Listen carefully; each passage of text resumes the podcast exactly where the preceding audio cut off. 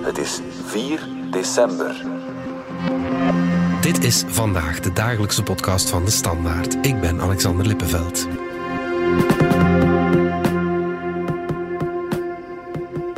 Ons land kampt met een drugsprobleem. De Antwerpse haven wordt stilaan overspoeld door cocaïne. In Brussel maakt crack een steile opgang. Nochtans zet ons land al jarenlang hoog in om druggebruik aan te pakken. In Portugal zaten ze met gelijkaardige problemen, maar daar gooiden ze hun repressieve beleid helemaal om. Wat kunnen we leren uit hun ervaringen en valt de war on drugs ooit te winnen?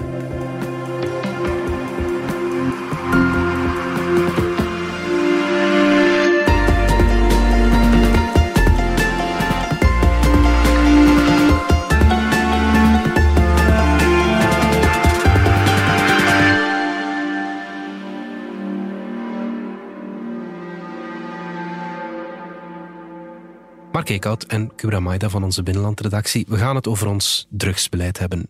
Vertel eens om te beginnen, hoe zit het vandaag? Of wat weten we over het druggebruik in ons land? Volgens de laatste cijfers van het eh, VAD, Vlaams Expertisecentrum voor Alcohol en Drugs, Mhm. daar zien we dat er eigenlijk een verschuiving aan de gang is. Dat als je kijkt naar heel jonge of gewoon jonge gebruikers, dat er een verschuiving is van cannabis naar harddrugs eigenlijk. Dat eh, ecstasy stijgt, cocaïne stijgt en ketamine stijgt. Dat is problematisch om te beginnen, eh, wegens gezondheidsredenen natuurlijk. Ja. Ja, ja, Ja. Ja. Wat dat we dan vooral op straat zien, Mhm. is dat je aan metrostations in Brussel bijvoorbeeld, aan IJzer en aan, en aan Brussel-Zuid, dat je daar ook wel op straat overlast van hebt. Ja, overlast. Leg dat eens uit, in welke vorm? Ja, dat toeristen bijvoorbeeld er niet naast kunnen kijken, dat je, dat je toekomt aan Brussel-Zuid en dat zij geconfronteerd worden met mensen die drugs aan het spuiten zijn. We hebben wel gebruikersruimtes Mhm. in Brussel en in Luik, maar de vraag is of dat die voldoende zijn. Ja, oké, goed. Dus eh, die gebruikersruimtes, daar gaan we straks op door. Maar eerst, Mark, de haven van Antwerpen wordt steeds meer drugs in eh, beslag genomen. Gaan die grotere smokkel, of daar lijkt het toch op natuurlijk, en druggebruik, gaat dat hand in hand in ons land? Eigenlijk zijn dat twee verschillende dingen. Hè. Ehm, als wij hier spreken ook over de war on drugs, ja, dan wil dat eigenlijk zeggen de strijd die, die politie en gerecht voeren tegen de, ja, de criminele bendes die, die tonnen cocaïne, vooral dan cocaïne, binnenbrengen vanuit Zuid-Amerika. En die dan ver- vervolgens verspreiden over heel Europa. Hè. Dus is er een verband ja, door het feit dat al die cocaïne hier in Antwerpen aankomt, is er eh, wel meer eh, aanbod van cocaïne op de gewone markt. Dus eh, cocaïne is in ons land nogal eh, makkelijk toegankelijk, in elk geval veel makkelijker dan 20, 30 jaar geleden. Ik zie eigenlijk, ja, het zijn, het zijn twee verschillende problematieken. Hè. Het, eh, de strijd tegen de, de criminele drugsbendes die, die de drugs naar hier brengen. En aan de andere kant heb je ja, toenemende gebruik. Die drugsmokkel die pakken we steeds harder aan. Dat zien we in de cijfers. Er worden steeds meer drugs in beslag genomen. Ja, dat is natuurlijk vooral gekomen eh, na, na al die geweldsincidenten die er in Antwerpen zijn geweest. En eh, granaataanslagen, met geweer geschoten op huizen. En zelfs een eh, vorig jaar een kindje dat dan door een verdwaalde kogel is, is omgekomen. Ja, dat heeft het beleid natuurlijk wakker geschud. En ja, wat men hier in België probeert, is natuurlijk de haven van Antwerpen zo goed en zo kwaad mogelijk binnen te timmeren om ervoor te zorgen dat, dat al die criminaliteit rond die cocaïne in de Antwerpse haven, dat die verdwijnt. Hè. Nu, nu ja, het is natuurlijk een illusie om dat helemaal weg te krijgen. Hè. Zolang er kook gebruikt wordt, zal die smokkel blijven duren. We belden met Charlotte Kolman. Zij is professor drugsbeleid en criminologie en is ook nationaal drugscoördinator. Omdat ons drugsbeleid zo versnipperd is over domeinen. Dus dat gaat zowel over alcohol, tabak, psychoactieve medicatie, illegale drugs, gokken en gamen. Maar dat gaat ook over preventie, zorg, harm reduction, dus schadebeperking, repressie. Dus wat dat zijn federale bevoegdheden, dat zijn bevoegdheden van de deelstaten. Hebben zij enkele jaren geleden gezegd van goed, om een gecoördineerd beleid te gaan voeren, gaan we een algemene cel drugsbeleid in het leven roepen dat zich bezighoudt met de dagelijkse coördinatie van het drugsbeleid. Het Belgische drugsbeleid bestaat uit drie pijlers. Dus ons drugsbeleid zelf, dat is misschien ook belangrijk om te vermelden, dat dat niet zo'n oud drugsbeleid is in de zin dat wij pas beginnen nadenken zijn, al ja, concreet om dat papier te krijgen, eind de jaren 1990. En daarin stonden drie pijlers toen centraal. Ten eerste, ja, algemeen principe is dat onze drugsproblematiek een volksgezondheidsproblematiek is en dat onze eerste focus moet liggen op preventie. Preventie van personen die ja, niet gebruiken of niet op een wat wij noemen een problematische manier gebruiken, gevolgd door zorg, ehm, schadebeperking, uh, reïntegratie van personen die wel op een problematische manier drugs gebruiken. En dan uw laatste redmiddel, zoals we dat noemen, dat is dan de repressie, de handhaving.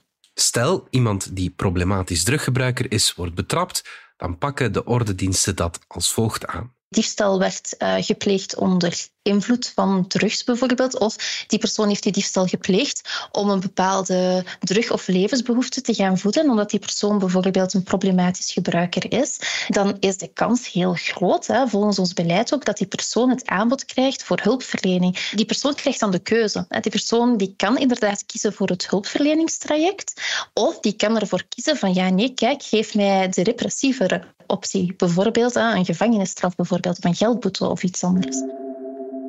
Mark en Kubra, drugsbezit is dus illegaal, maar het wordt eigenlijk tot op een bepaalde hoogte getolereerd. Men gaat die mensen uh, allez, een boete geven. Ja, die boete is dan tamelijk hoog. Mhm. Maar eigenlijk, allez, de strijd tegen de gebruikers, die heeft men eigenlijk in mijn ogen stilzwijgend opgegeven. Mhm. Ja, ik denk dat we daar niet over eens zijn. Hè? Dat is een beetje het punt ook. Ja. want ik moet spontaan denken aan wat je ziet op festivals. Mhm op festivals voelt het toch heel repressief naar gebruikers toe. En dan, uh, ja, je hebt daar drugszonden, je wordt daar gefouilleerd. Als je binnenkomt, hè? Als je binnenkomt, ja. Dat is normaal om dealers op te sporen, denk ik. Maar als je kijkt naar ja, hoe dat gebruikers op festivals, of gewoon festivalgangers op een festival, benaderd worden door de politie, vind ik dat toch wel intimiderend en, en repressief. Ja, het is natuurlijk een, het is een, het is een ethische discussie. Hè? Wat wil je aan met drugs. Mhm. Je zou kunnen zeggen, kies voor de liberale oplossing. Mhm. Laat iedereen maar doen. Het is ja. je eigen lichaam. Je doet ermee wat je wilt. Of dat dan nu cannabis is, of dat dan nu cocaïne is. Maar waarom dan ook bijvoorbeeld geen heroïne en noem maar op. Je kan dat zeggen. In mijn ogen is dat een zeer ultraliberale benadering van de problematiek. Mhm. Je kan ook zeggen, ja, je kan dat niet zomaar gedogen, want het is slecht voor je gezondheid, het is slecht voor de volksgezondheid, het is slecht voor alles. Dus je probeert dan toch die strijd te voeren. Er zijn dan mensen die zeggen, ja, maar waarom dan alcohol? Mhm. Maar alcohol bestaat al zoveel, zoveel tientallen, honderden jaren. Het is een haardrug, maar het is niet omdat je één haardrug hebt getolereerd en dat, die dan hoort bij de traditie, dat je ook al de rest moet legaliseren. Er is dus discussie. Volgens professor Koolman is ons drugsbeleid nog niet helemaal aangepast aan de realiteit van vandaag ons huidige drugsbeleid is misschien al wat um, gedateerd. Als we dan kijken naar ons document, en daar heb ik het dan voornamelijk over. Hè. Ik heb het daarnet vermeld, de federale drugnota van 2001, de gemeenschappelijke verklaring van 2010. Dat zijn documenten die ondertussen, ja, het laatste document is 13 jaar geleden. Wij worden vandaag geconfronteerd met nieuwe realiteiten, zoals um, ja, zaken die bijvoorbeeld toen ook al aanwezig waren, maar op dat moment misschien minder urgent leken. Denk aan online drugs aankopen, methamfetamineproductie, uh, het gebruik van lachgas. Uh, crackgebruik en zo verder. Hè. Um, maar wat we ook zien vandaag, dat enkele jaren terug, ja, een decennium terug, minder zichtbaar was, dat was die stijging inderdaad van dat druggerelateerd geweld. Langs de andere kant is er door een kluwe aan regelgeving ook niet erg veel duidelijkheid. Misschien moeten we nadenken over een, uh, een update van de Belgische drugsstrategie. Dus duidelijk stellen waar ons Belgisch drugsbeleid voor staat. Eigenlijk een soort van kapstok, een kapstok waar dan de andere beleidsdocumenten of acties zich aan kunnen enten. Dus dat betekent niet zozeer een tabula rasa, want dat is ook niet de bedoeling, maar puur nog eens ja, meegeven van dit is ons Belgisch drugsbeleid, aangepast aan de tijd van vandaag en vooral gaan zorgen voor de duidelijkheid. Kubra, jij bent naar uh, Portugal geweest. Hoe doen ze het daar? Ja, Omdat Portugal eind jaren 90 met een zware heroïne-epidemie zat, werden ze eigenlijk een beetje gedwongen om radicaal van, van beleid te veranderen. Want 1% van de bevolking was verslaafd aan heroïne. Heel veel mensen sterven. Er waren 300 ongeveer drugsdoden per jaar. Vandaag is dat rond de 70-tal per jaar. Ja. Ehm, hoeveel is het in ons land ter vergelijking? In België waren er 168 druggerelateerde overlijdens in 2019. Ja, ja. Wat hebben ze in Portugal gedaan? De toenmalige president Antonio Guterres die heeft eh, eigenlijk een, een crisisteam samengeteld met een tiental experts en gezegd... Je bent helemaal vrij, je, mo- je mocht alles voorstellen wat dat je wilt. We moeten dit hier oplossen. En die experts zijn gaan luisteren bij de gewone Portugezen. Ze hadden een lijst van een tachtigtal maatregelen opgesomd. En dat is bijna volledig overgenomen door de Portugese overheid. Het enige wat dat ze niet hebben gedaan, was regularisatie. Ja, Daar oké. wilden ze niet meegaan. ja, waarbij alles gewoon ja, legaal wordt, zeg nee, maar. nee. er is een verschil tussen decriminalisatie, regularisatie en legalisatie. Ja. Alcohol is gereguleerd, Mhm. suiker is legaal Ja, en in Portugal dan is alle andere drugs gedecriminaliseerd. ja oké. Wat wil dat exact zeggen, die decriminalisering? Dat wil zeggen dat het bezit en gebruik van alle drugs dat dat niet meer bekeken wordt als een, eh, Een strafbaar feit. als een strafbaar feit, Mhm. maar als een bestuurlijke overtreding. En daarbij valt die overtreding niet meer onder justitie, maar onder de bevoegdheid van volksgezondheid. en hoe gaat dat dan in zijn werk? Wat gebeurt er als je in Portugal betrapt wordt op druggebruik of bezit? Dan verwijst de politie je door naar een soort van ja, ontradingscommissie, heet dat. En daar moet je in gesprek gaan met een arts een, een- of bijvoorbeeld socioloog eh, Nuno Capas, eh, met wie we hebben gesproken. En die gaat dan eigenlijk uitmaken wat voor gebruiker dat je bent. Wie ziet hij? Hij ziet recreatieve gebruikers, hij ziet toeristen, maar hij ziet ook problematische en verslaafde gebruikers langskomen. Op basis van het profiel dat van u gemaakt wordt, wordt je al dan niet doorverwezen. Een recreatieve gebruiker die daar voor de eerste keer komt, die krijgt enkel een waarschuwing. Ja. En vanaf de tweede keer krijgt hij een boete. Maar eigenlijk, die boetes, dat zijn enkele tientallen euro's. Ah ja. Ter vergelijking, bij ons is een boete voor als je betrapt wordt met cocaïne, dat is 1000 euro geworden. Oké, ja. Maar zij zijn daar helemaal geen fan van. Want ze Mhm. zeggen, zo'n boete houdt de gebruiker niet verantwoordelijk. Mhm. Voor, zijn, ja, voor wat dat hij doet in zijn leven, voor, voor het gebruik ervan. Ja. Eh, die gaat daar niet over nadenken. Wat dat die wel kan helpen, is gewoon correcte info geven. Mhm. En het opvallende is ook dat heel dat systeem, dat valt niet meer onder justitie, maar volksgezondheid is daarvoor bevoegd geworden. Ja. En zij zeggen, op die manier kan justitie zich focussen op de echte problemen, de echte drugscriminaliteit. Ja, oké. Krijgt een problematische gebruiker of een verslaafde gebruiker dan ook zo'n boete? Of hoe wordt die dan opgevolgd? Eh, problematisch of een verslaafde gebruiker zal geen boete krijgen, Mhm. omdat zij van mening zijn dat die mensen waarschijnlijk al illegale dingen doen om aan hun geld te komen. Mhm. Ja, zij zeggen een problematische gebruiker, er spelen andere dingen mee in zijn of haar leven. Die is bijvoorbeeld langdurig werkloos, die is heel eenzaam in het leven. Hoe kunnen we die op een manier terug in contact brengen, waardoor dat die iets meer stabiliteit heeft Mhm. in zijn leven? Dus als je langdurig werkloos bent, zullen die je helpen aan een job. Mhm. Als je thuisloos bent, zullen die zien hoe kun je onderdak krijgen. ja. Een verslaafde eh, zullen ze doorverwijzen naar een plek waar dat hij een behandeling kan krijgen. Mhm. Maar die wordt nooit verplicht om een behandeling te krijgen. Ah ja, oké, op die manier. Ja, ja, ja goed. Ehm, hoe, hoe, hoe ziet dat er dan concreet uit? Je bezocht ook een, eh, zo'n Hè? Hoe gaat het er daaraan toe? Dat is eigenlijk ook vrij nieuw in Portugal. Sinds 2021 hebben ze een paar gebruikersruimtes in Lissabon.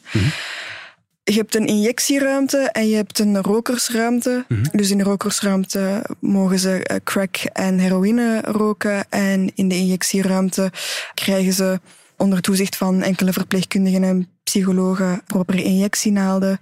En gewoon het materiaal dat ze nodig hebben om drugs te consumeren. Ehm, er zijn wel een paar voorwaarden aan verbonden, zoals dat je niks mag ruilen met de andere gebruikers. Dus je drugs moet je zelf meenemen, bijvoorbeeld. En ja, het was daar wel druk. Ja. Ja. Ik denk dat Portugal heeft echt gekozen voor de behandeling van drugsverslaving als een, als een probleem van de volksgezondheid. Ze hebben die repressie helemaal laten vallen, terwijl in, in België dat dat nog altijd moeilijk ligt, omdat wij nog altijd van oordeel zijn of toch de politiek dat je niet zomaar alles mag tolereren, dat er ook zoiets moet blijven als een straf en een stok achter de deur. Mhm. Ik denk dat daar het fundamentele onderscheid een beetje ligt. Allee, op papier is dat zo dat onderscheid, maar in de praktijk is volgens mij schuiven wij wel op in de richting van Portugal al een heel tijdje. Dat zegt ook professor Charlotte Koolman. Als je dan de vergelijking maakt met België, is dat in theorie niet zo'n heel groot verschil. Natuurlijk, bij ons is het nog een strafrechtelijke weg. In Portugal is het de administratief-rechtelijke weg. Maar wij gaan ook, in de mate van het mogelijke, gaan proberen doorverwijzen naar de hulpverlening. We weten uit onderzoek dat iemand het aanbod te geven van een hulpverlening, te tonen van dit is de weg naar de hulpverlening, dat dat positief is. Hè. Dat een zogenaamde vrijwillige hulpverleningstraject of een hulpverleningstraject onder drang, zoals we dat ook kennen in België trouwens, dat dat effectief kan zijn op het vlak van daling van uw druggebruik, daling van uw criminaliteit en een verbetering van uw functioneren op verschillende levensdomeinen, zoals werk en huisvesting en zo verder.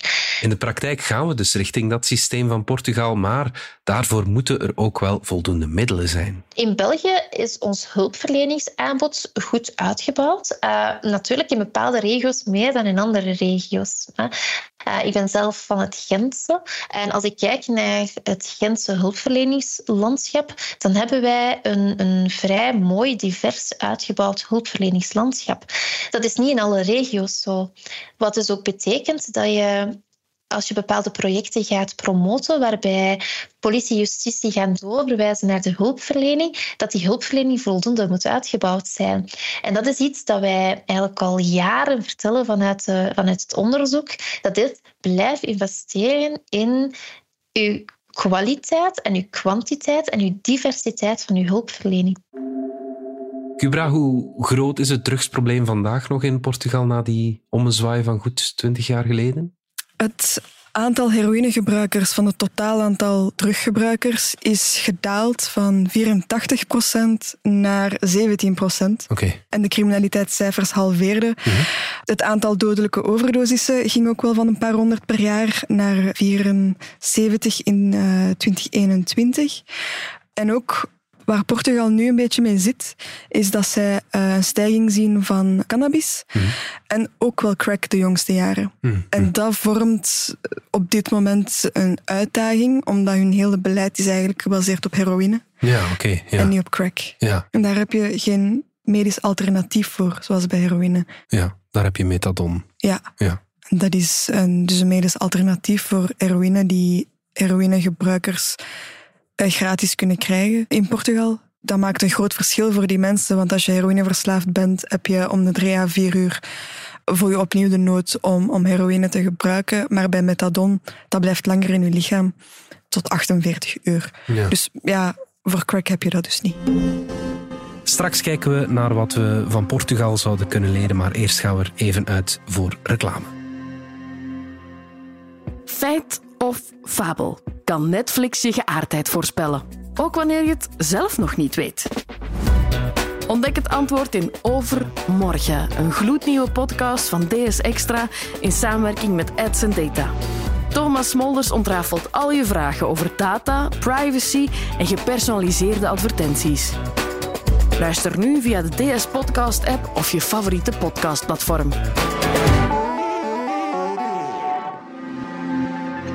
Mark, Cubra, terug naar jullie. Cubra, het stuk dat je maakte over dat uh, Portugese drugsbeleid, dat kaderde in de reeks Red de Toekomst, waar lezers hun ideeën konden insturen. Zaten daar interessante inzichten tussen? Ja, het was opvallend dat de meeste lezers die er op reageerden pro-regularisatie waren. Dus dat is eigenlijk nog een stap verder dan decriminalisatie. Mm -hmm. Een van de lezers zei, we moeten drugs legaliseren, zodat mensen die willen gebruiken tenminste een veilig product kunnen kopen. Bijvoorbeeld in de apotheek, zoals medicatie met identiteitskaart. Zodat misbruik ook makkelijker valt op te sporen. Ja, oké. Okay. Daar zijn natuurlijk ook argumenten tegen om dat te doen. Want dan moet je als overheid ook drugs gaan produceren, wordt dan altijd uh, gezegd. En Mark, ja, is dat ooit denkbaar dat zoiets uh, zou gebeuren? Ja, alles is denkbaar als er uh, politieke wil voor is en als de maatschappij daar genoeg draagvlak voor heeft, dan is dat denkbaar. Mm. Alleen ja, het, het, het zal altijd een ethische discussie uh, blijven. Hè. In hoeverre mag je als staat drugsgebruik uh, bijna, ja, bijna propageren? Mag ik dat dan zo zeggen? Mm -hmm. in hoeverre moet je mensen producten geven waar ze hun lichaam mee, mee vergiftigen? En in hoeverre ja, geef je dan die mensen ook niet ergens op? Geef je dan ook niet het signaal, het is zo erg, niet doe maar. Allee, mij persoonlijk, ik weet het niet goed. Ik vind dat een zeer liberale manier van de zaken aanpakken. Het heeft wel gewerkt in eh, Portugal om de heroïne-epidemie, want dat was er zo, om die in te dijken. Ik weet niet of dat je dat zomaar kan eh, verplaatsen of, of, ehm, of ja, helemaal opnieuw doen, een klein een doorslagje maken in, in België. Ik mhm. weet niet of dat zo werkt, of dat zo makkelijk is. Dat zegt ook professor Koolman. Wij kunnen leren van voorbeelden uit het buitenland. Um, dat ze het op de goede manier doen, maar ook op dat ze het op de slechte manier doen. De decriminalisering van Portugal dat kaderde binnen een hele race aan socio-economische veranderingen. Vangnetten die werden uitgebouwd en versterkt. En dat is een beetje, ik denk dat je het kunt vergelijken met, um, eens even nadenken, je wil bijvoorbeeld taalontwikkeling in een peuterklas gaan stimuleren. En je hebt zes acties. En op het einde van de rit, na een jaar, zie je dat de taalontwikkeling in die klas bij die peuters is verbeterd. Dan kan je niet zeggen dat dat door actie 1 is, bijvoorbeeld, dat die taalontwikkeling is verbeterd. Dat kan een combinatie zijn, of dat kan actie 1 zijn dat heeft gewerkt, maar actie 2 en 3 bijvoorbeeld niet. En dat is ook een beetje het punt dat we vaak ook niet weten van de causaliteit. Heeft aangezorgd voorbij?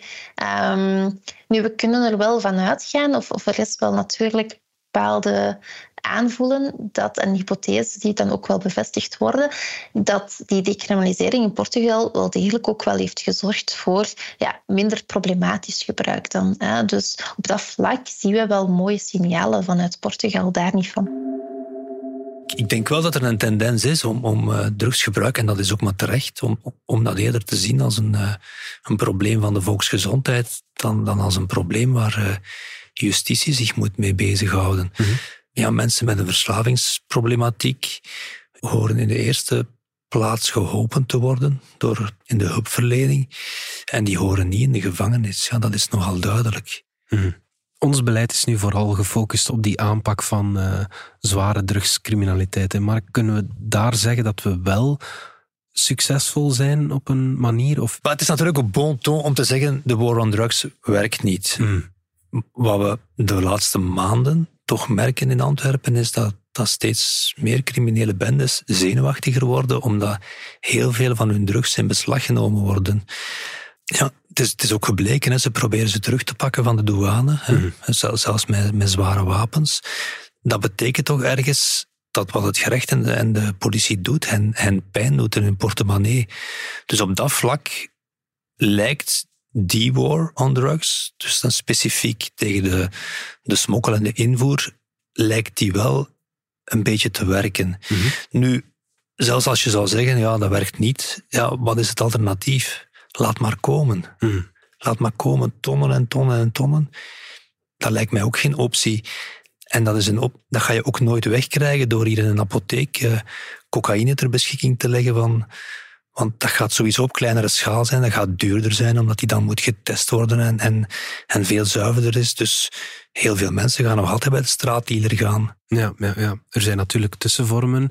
Je haalt die festivals al aan, Cubra. Maar die testcentra zeg maar, van je pillen, die komen er maar niet. Hè. Daar wordt al lang over gesproken, maar dat, dat blijft een, ja, een moeilijk geval. Ik denk dat we inderdaad op vlak van sensibiliseren en correcte info geven nog heel veel kunnen doen. -hmm. vooraleer we nadenken over regularisatie of zo.